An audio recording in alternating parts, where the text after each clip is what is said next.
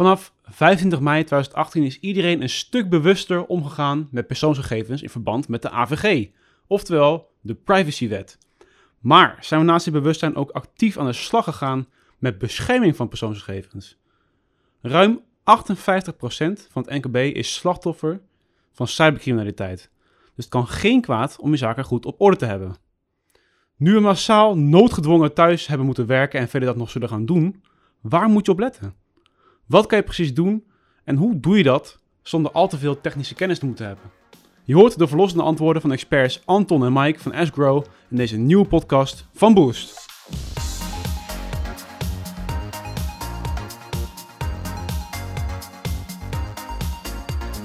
Welkom luisteraars, mijn naam is Niels van der Gift. In deze podcast praten we over databescherming voor ondernemers.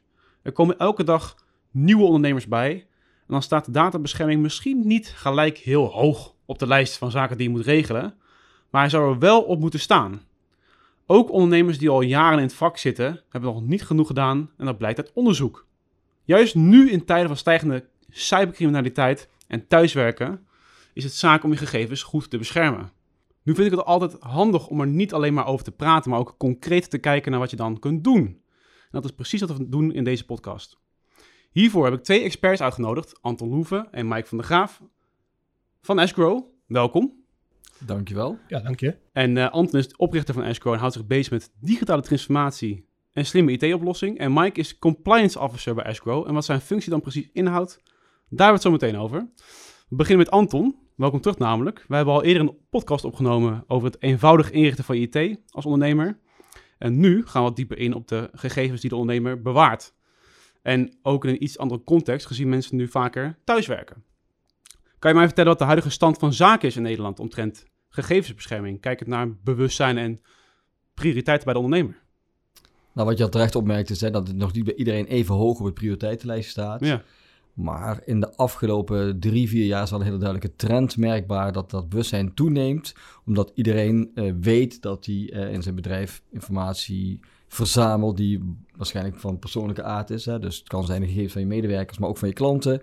En de overheid heeft uh, regels opgesteld waaraan je moet voldoen. Uh, de AVG onder meer. Ja, dus iedereen is zich precies. er wel bewust van geworden. Ik moet er zorgvuldig mee omgaan. En daarbij zie je dat uh, eigenlijk binnen bepaalde sectoren, zoals bijvoorbeeld accountancy of assurantie of advocatuur, of, maar ook bij een zorg- en productiebedrijven, dat er eisen gesteld worden uh, specifiek voor die sector. Om zeg maar op een bepaalde wijze met die informatie om te gaan, dat er wel en niet mee mag en hoe je kunt aantonen dat je er op een veilige manier mee omgaat. En eigenlijk wat we zien is dat bewustwording neemt toe en daarmee neemt ook de zorg toe. En een andere reden waarom de zorg toeneemt is het aantal, laten we zeggen, hack- en gijzelpogingen op data, waardoor bedrijven stil komen te staan. En de derde factor is eigenlijk de klant van de klant. Hè. Dus elk bedrijf heeft klanten en die klanten die vertrouwen er eerst blind erop dat hun toeleverancier, hun accountant, hun assurantiekantoor zorgvuldig met hun gegevens omgaan. En nu beginnen ze daar een beetje vragen over te stellen. Iedereen wil ja. een beetje weten wie wat verzamelt doe wat. mijn gegevens? Ja, wat doe je ermee? Maar ook ja. van, uh, ja, als het op straat ligt, wat gebeurt er dan eigenlijk? Ja. Hè? Dat, uh, en uh, de meldplicht die daar omheen hangt. En, en de schade die het je bedrijf kan toebrengen als zo zoiets naar buiten komt. Hè? Maar elke dag hoor je al tegenwoordig, de, of de Universiteit van Maastricht is of een lokaal bedrijf. Ja. Uh, en nou, een tijdje geleden het nieuws, ja. ja, ja. Dat, dat ze of gegijzeld worden of de informatie kwijtraken. En dat geeft een enorme reputatieschade. Ja, uh, maar Absoluut. dat schaadt ook het vertrouwen van hun klanten meteen. Ja. ja. maar wordt het nou echt streng gehandhaafd, de, bijvoorbeeld AVG? Zijn, zijn mensen echt bewust daarmee bezig omdat het moet van de wet? Of is het gewoon meer, ten, zoals je net zegt, ter imago en gewoon je eigen gevoel, uh, gegevens? De, de, of er streng gehandhaafd wordt. Nou, ik weet dat de AFM bij accountants wel heel streng aan het worden is. Dus dat is wel een uh, duidelijk merkbaar. En in de zorg zie je dat ook. Kijk, in, ik denk dat het gemiddelde MKB daar nog weinig last van heeft. Maar uh, ik denk dat hun zorg meer zou moeten zijn van... Hey, als het misgaat, dan gaat mijn reputatie eraan in mijn regio of bij mijn klanten.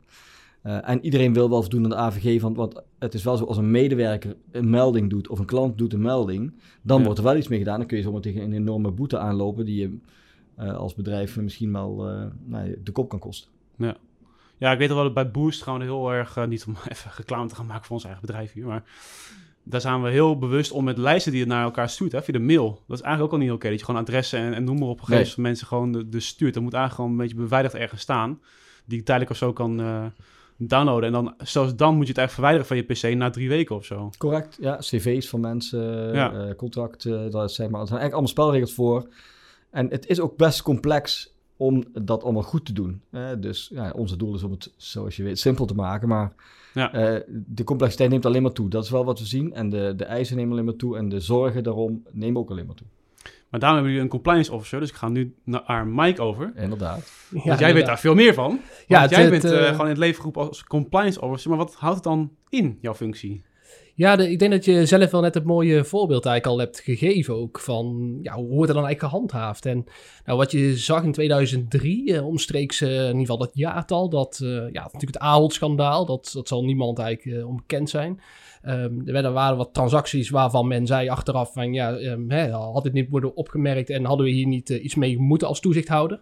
Nou, toen is op een gegeven moment, eh, wat al langer in Amerika is, maar die trend is een beetje komen overwaaien, hè, eh, gelet op dat schandaal. Van oké, financiële instellingen die onder bepaalde toezichthouders vallen in de markt, maar met name ook inderdaad die daardoor op grond van wet en regelgeving verplicht zijn om een compliance officer aan te stellen, Ja, Ehm, ja, die zullen dat moeten gaan doen. En die wordt inderdaad verantwoordelijk voor die transacties die daar in die organisatie gaande zijn, die misschien wel gerelateerd kunnen worden aan witwassen of die gerelateerd kunnen worden aan terrorisme, financiering daarvan, ja. of op een of andere vorm daarvan kunnen bijdragen.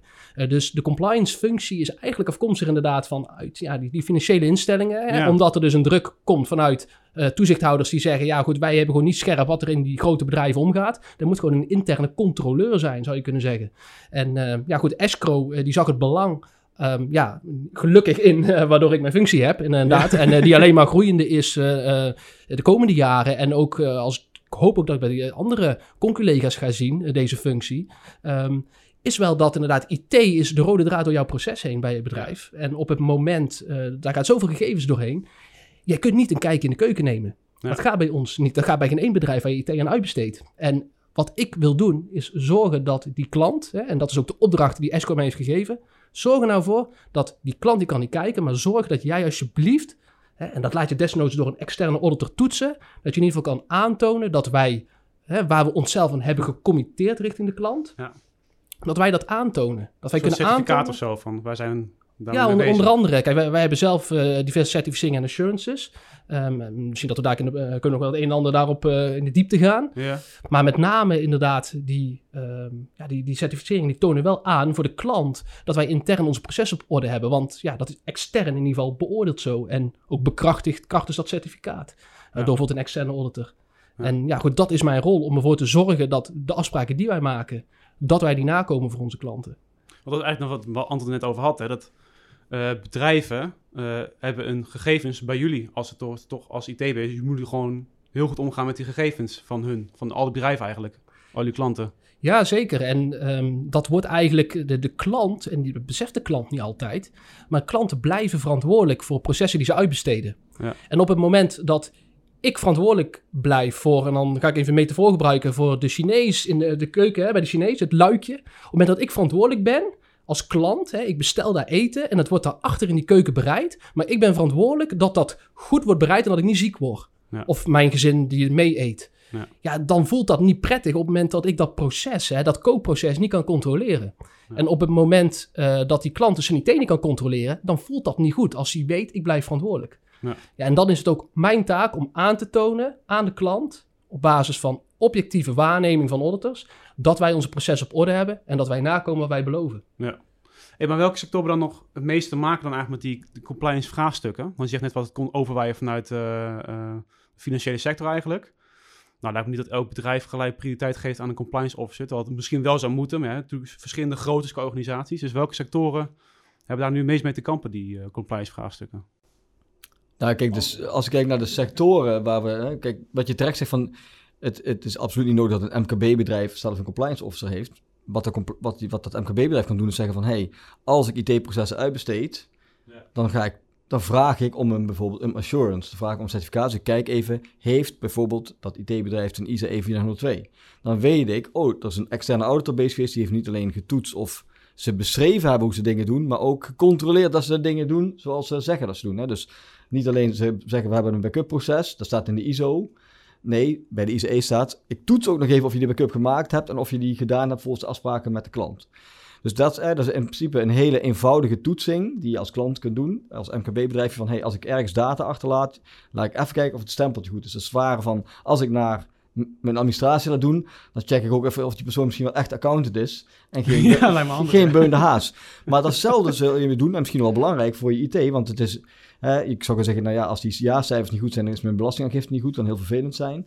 Maar op het moment dat je je data ergens anders hebt staan en het is niet goed en het komt door zeg maar, die derde partij op straat, jouw bedrijf gaat eraan, hè? niet Ja, de, precies. misschien de IT-leverancier. Ja. En de sectoren die dat raakt, was, en ik denk in het verleden was dat de financiële sector, daar is dat echt begonnen. En nu zie je dat dat helemaal door, en met AVG heeft de wetgever het eigenlijk door alle sectoren heen getrokken, van hey, Ja. dat is een minimale eis waar iedereen aan moet voldoen. Dus dan moet je eigenlijk al weten van, hey, voldoet, voldoet die partij er aan de andere kant aan? Hoe toont hij dat aan dan? En daarbovenop zie je sectorspecifieke eisen. Dus de AFM stelt eisen aan de accountants. En de Orde van Advocaten vindt iets van de advocatuur. En in de assurantiewereld en in de productie en in de zorg zijn weer andere normen. Hè? Dus eh, in de zorg zie je de NEN 510 bijvoorbeeld. En zo zijn er allerlei eh, normen die afhankelijk zijn van specifieke sectoren. En de AVG gaat overal dwars doorheen, maar daarbovenop is de sector specifiek. Dus je kunt niet meer zeggen van, nee, nee, mijn sector, niet, dat geldt niet voor mij. Nee. Nee, dat bestaat niet meer. Nee. Maar goed, wie, wie, worden, wie werden dan misschien in 2018 ook het meest geconfronteerd met die AVG dan? Welke sectoren naast de financiële sector?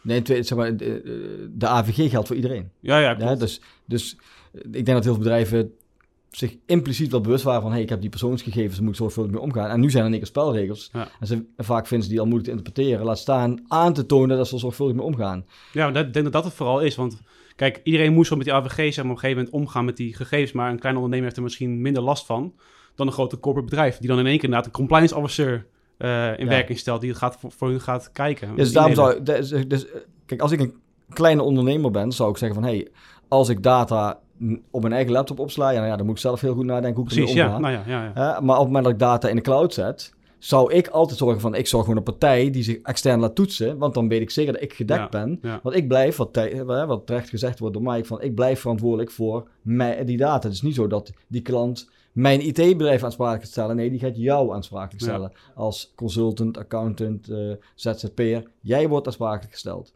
En hoe dek je jezelf in? Door te zorgen dat je een partij kiest die het aan de achterkant goed geregeld heeft. En sterker nog, ik denk, eh, als je nog een stapje verder denkt... Heel veel bedrijven sluiten een bedrijfsrisicoverzekering af. Hè, van, hey, wat gebeurt er als er, als er calamiteit als er brand uitbreekt, ben ik verzekerd. ja, En ook voor ja. als er dataschade is. Maar ja, als je aan de achterkant vervolgens verkeerde keuzes hebt gemaakt, dan ben ik heel benieuwd wat die verzekeraar gaat zeggen van, hey, je hebt Ja. eigenlijk nog steeds onzorgvuldig gehandeld. Ja. Je hebt je data bij een club neergezet en die hebt niet eens de moeite genomen om te toetsen of ze een assurance hebben. Precies, ja. Ja, ja. sorry, maar of ik jou 100% ga uitkeren voor de schade die jij nu hebt, doordat je bedrijf stilstaat of dat je data gegijzeld is, ik vraag het me af. Nou, dat vraag ik me ook af. Ja, nee, je, goed, je zegt zelf dat de AVG is op iedereen van toepassing. En de AVG zegt ook zo mooi, eh, ja, je moet passende maatregelen nemen. En eh, vaak zie je wel eens in, eh, ja, de organisaties die pretenderen de, ultieme AVG-oplossing te hebben. Als je deze software maar hebt, dan is het allemaal goed. Ja, en zo makkelijk werkt het niet altijd. Want ja, de, wet zegt, je moet, hè, de wet moet ik eigenlijk zeggen, verordening, van, dat is de AVG, die zegt, ja, je moet passende maatregelen nemen. En die kunnen van organisatorisch en technisch, technische aard zijn. Nou, vervolgens, wat er dan gebeurt, is een organisatie, ja, die gaat wikken en wegen. Ja, wat voor type processen heb ik? Wat is nou de aard van de dienstverlening die bij escrow afnemen? Ehm, en uiteindelijk, welke maatregelen moet ik daarop treffen? Wat kan de impact zijn?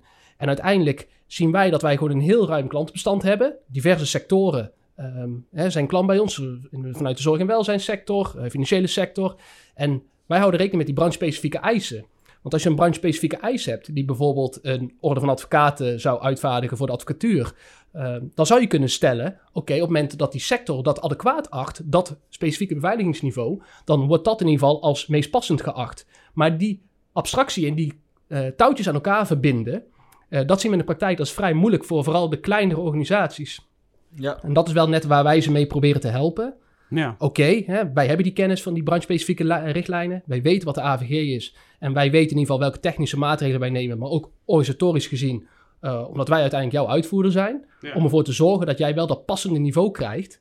Want die beoordeling is natuurlijk heel subjectief. Wat is passend? Ja. Ja. dat, dat zal iedereen anders zijn die daarnaar kijkt. Ja, en wij hangen dat passende op aan ja, de ISO-certificeringen die we hebben. Aan NEN die we hebben voor de zorg.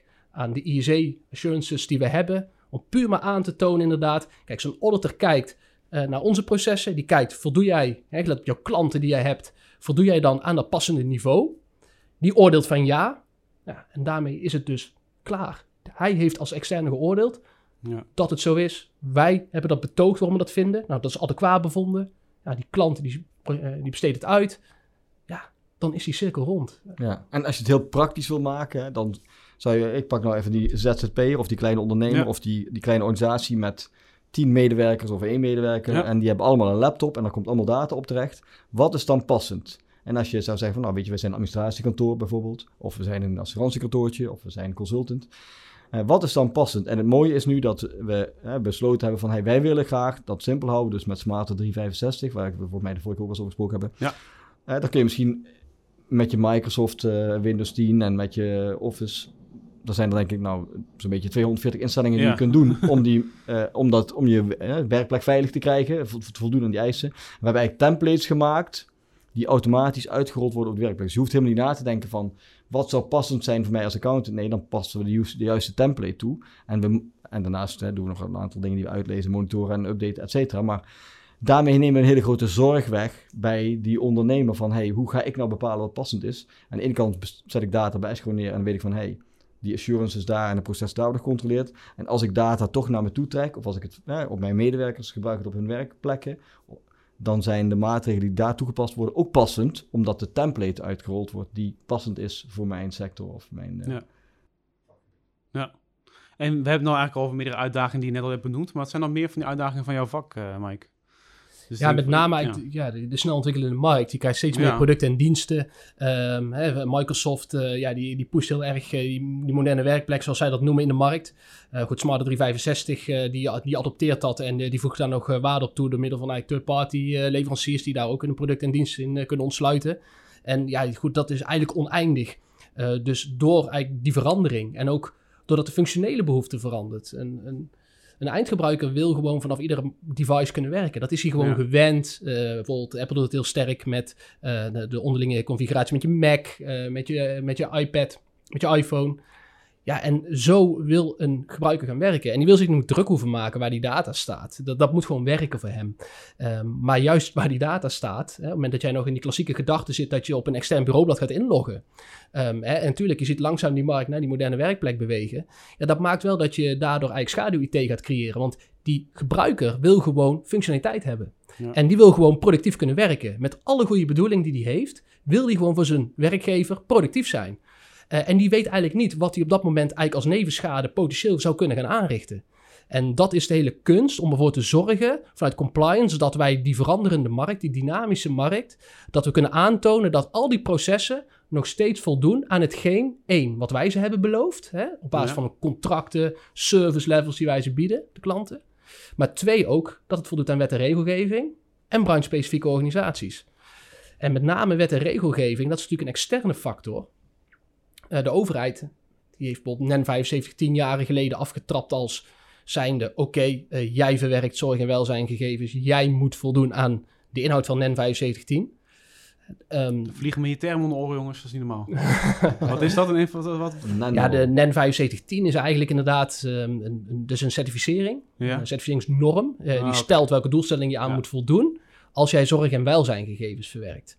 Eh, dus dat geldt ook voor ons als service provider. Wij leveren natuurlijk, eh, wij in ieder geval verwerken zorg- en welzijnsgegevens. Weliswaar niet zelf actief, maar het gaat wel Ja. over het platform heen via onze klanten.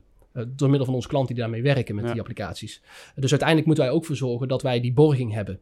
Ehm, en uiteindelijk als de wetgever zegt dat zorg- en welzijnsgegevens zo belangrijk zijn dat ze moeten worden beschermd, ja, dan gaat de overheid dat ook vinden, misschien daar van andere gegevens. Want we gaan steeds vaker zien dat de overheid zich ook gaat bemoeien met ehm, kritische bedrijven als, eh, ja, onder andere als ons, wij worden ook zo gekenmerkt. En wij zijn eigenlijk essentieel voor de Nederlandse. eh, ja, voor het Nederlands bedrijfsleven, eigenlijk Ja. voor Nederland. We zijn een fundamenteel bedrijf. Eh, en dat zijn heel veel service providers. En die vallen daarmee ook onder nieuwe wet en regelgeving. Dat als je bijvoorbeeld als bedrijf eh, zou worden overgenomen of dat je in buitenlandse handen komt, dat je een bepaalde meldplicht hebt om van, tevoren te gaan melden. Puur omdat het zo essentieel is wat je doet, dat je niet wil dat dat in buitenlandse handen terechtkomt, althans Ja. de overheid. Dus er is steeds meer externe wetgeving wat op ons van toepassing is. Ehm, en IT ligt daar steeds meer in de loop. En dat is op zich een heel positieve ontwikkeling. En ja, goed, wij, eh, ik kijk in ieder geval uit naar de toekomst en Ja. hoe het zich allemaal gaat ontwikkelen. Maar daar heb ik door dat je natuurlijk uiteraard heel veel kennis hebt van de huidige stand van zaken. Maar in de kern van jouw functie, wat is dan, je- moet ik jou zien als iemand die dan eh, naar een bepaald soort beleid kijkt? Of ben je een soort ethical hacker die gaat kijken van waar, waar kan nog verbeterd worden? Of wat? Nee, niet vanuit een eh, technische achtergrond. Ja. Ehm, wij hebben bijvoorbeeld ook een security officer in dienst. Die bepaalt ook echt daar het beleid wat we hebben. Ja. Eh, ik ben puur gericht op leven wij na wat wij hebben beloofd. En kunnen we dat aantonen? Dat is natuurlijk het meest belangrijke. Want Ja, ik kan het wel zeggen. eh, ik heb geen blauwe ogen, maar zou ik die hebben? Dan Ja. zou je het als klant niet moeten geloven. Ja. Je moet altijd, eh, omdat je verantwoordelijk blijft gewoon immers. En, je moet dat uitvragen aan mij. Van, toon maar aan Mike, dat dat ook echt klopt bij jullie, wat je zegt. En dat is de hele, eh er wordt eigenlijk de hele kunst op het moment dat je dus veel meer leveranciers krijgt. Op het moment dat je niet alleen maar eh, je platform in eigen beheer hebt, vanuit die klassieke gedachte, maar dat je eigenlijk steeds meer producten en diensten van derden ontsluit, en dan zul je bij al die derden moeten gaan controleren dat wat daar wordt afgenomen voor jouw klant, hè, door ons, dat dat ook eh, conforme afspraak is. En als die klant inderdaad een lange retentietermijn voor zijn backup data wil, ja, dan moet ik één ervoor zorgen dat hij ook echt die termijn krijgt, want hij heeft dat zo gekozen en daar heeft hij een reden bij, een bepaalde risicoacceptatie. Dus hij moet dat zo krijgen. Op het moment dat ik zou denken, weet je wat, ehm, ik ga het langer opslaan dan de klant wil, Ja. dan denk ik, dan denkt de klant misschien, ah, hartstikke fijn escrow, je bent goed bezig. Maar dan heb ik eh, de, de, de, de toezichthouder in mijn nek eh Ja. hijgen, want die zegt, hey, jij bent langer data aan het opslaan dan dat jij mag. Ja. Want ja, dat is niet. eh, dus je zit, de, de ruimte is, eh, wordt steeds kleiner. Het, het speelveld waarin je kunt opereren. En de belangen worden daarin ook steeds groter. Eh, er komt steeds meer onder de loep te liggen dat. Ja, dat wel echt een uitdaging is van het vak. Van hoe ga ik nog aantonen wat ik moet aantonen? Ondanks dat het steeds meer versplinterd raakt bij derden die toegevoegde waarde leveren eh, voor die klant. Eh, en daarop de toenemende regeldruk eigenlijk. En de toezichthoudende druk. Ja. Dus dat is wel echt een eh, ja, spannende ontwikkeling. Ik durf het eigenlijk bijna niet meer te vragen. Gewoon die vraag van, joh, wat doe je nou als escrow zijnde om de gegevens van die klanten te beschermen? Nee, maar wat je, wat je doet om die gegevens te beschermen is wat we- eigenlijk kijken naar een procesniveau en naar eh, technisch niveau. Ja. En wat eh, Mike net terecht zei, we hebben een, eh, een security officer en die kijkt er vooral vanuit een technisch oogpunt naar van, hey, welke maatregelen moeten we nemen om dit te beveiligen? Dus Ja. je zou kunnen zeggen als, ik pak dat voorbeeld van die laptop weer, van die consultant die thuis aan het werken zegt van, hey, er staat data op en ik wil zeker weer dat het veilig is. En Escrow zorgt ervoor dat het veilig is, dan rollen wij een template uit die automatisch over zijn werkplek heen en de security officer heeft erover nagedacht van, welke vinkjes moeten uit en aanstaan om te Ja. voldoen aan de voorwaarden. En Mike zit er eigenlijk op, die zit er nog een stapje achter. Die zegt van oké, we hebben kennelijk beleid over veiligheid. De overheid vindt iets en de klant heeft een afspraak gemaakt. Ja. En in dat spel, speelveld van hey, ons eigen beleid, wat de overheid vindt en wat de klant heeft afgesproken, daar moet ik toetsen per klant, tel ik op dat speelveld of wij al die afspraken nakomen. Ja.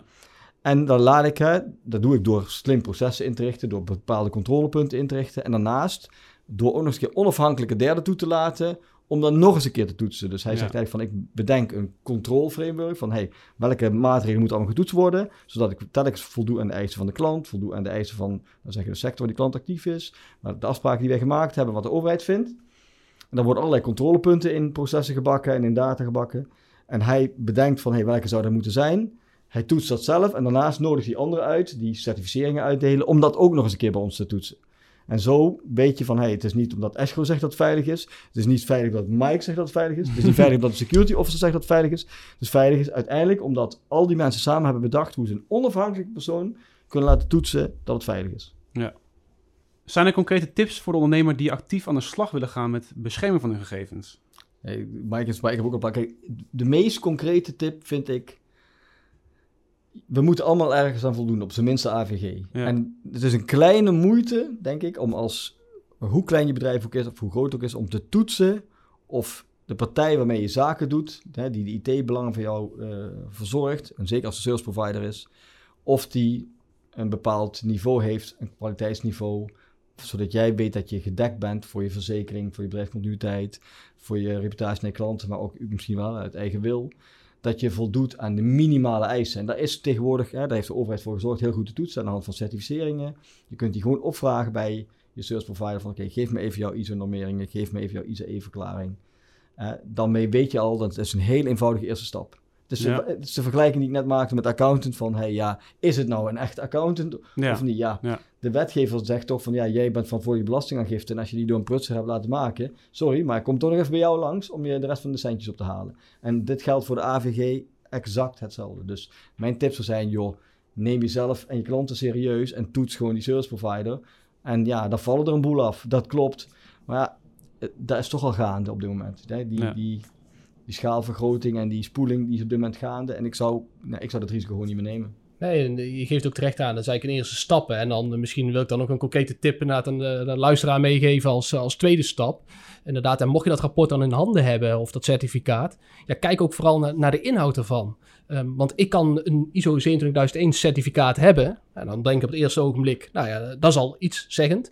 Maar ja, wat is dan de scope daarvan? En als daarin staat, eh, want ik word klant eh, hier bij Boost en dan eh, denk ik, oké, nou heb je een ISO 27001 certificaat. Zou je zo een IT-partij zijn? Je zegt, ja, die heb ik. En ik zie dat dat certificaat alleen ziet op de opslag van de personeelsdossiers in de kast hier eh, in Ja. het kantoor. Ja, dan, ja, dat, dan, dan heb ik op het eerste ogenblik denk ik, hey, yes, ze hebben een ISO-certificaat. Maar uiteindelijk bij een beetje verder kijken, dan, hey, maar ja, die scope is helemaal niet passend voor mij. Want ja, ik ga mijn IT uitbesteden, maar dat valt helemaal niet binnen de scope van dat certificaat. Ja. En zo zal je ook altijd ja, echt verder Dus, eh, moeten gaan vragen, kritisch moeten uitvragen. Wat is dan die scope? Waarom heb je dit controlframework gekozen? Waarom heb je die doelstellingen gekozen en waarom geen andere? Hè? En uiteindelijk ook, nou, het zijn er bevindingen geweest. Want je kunt best een certificaat hebben, maar daarnaast kun je best bevindingen hebben. Dus ik zeg ook altijd tegen mijn klant, van ik zal je zeggen wat de scope is als ze mij het certificaat opvragen. Omdat ik er trots op ben dat er heel veel onder valt. Ja. Omdat het heel veel werk is om die scope uit te breiden.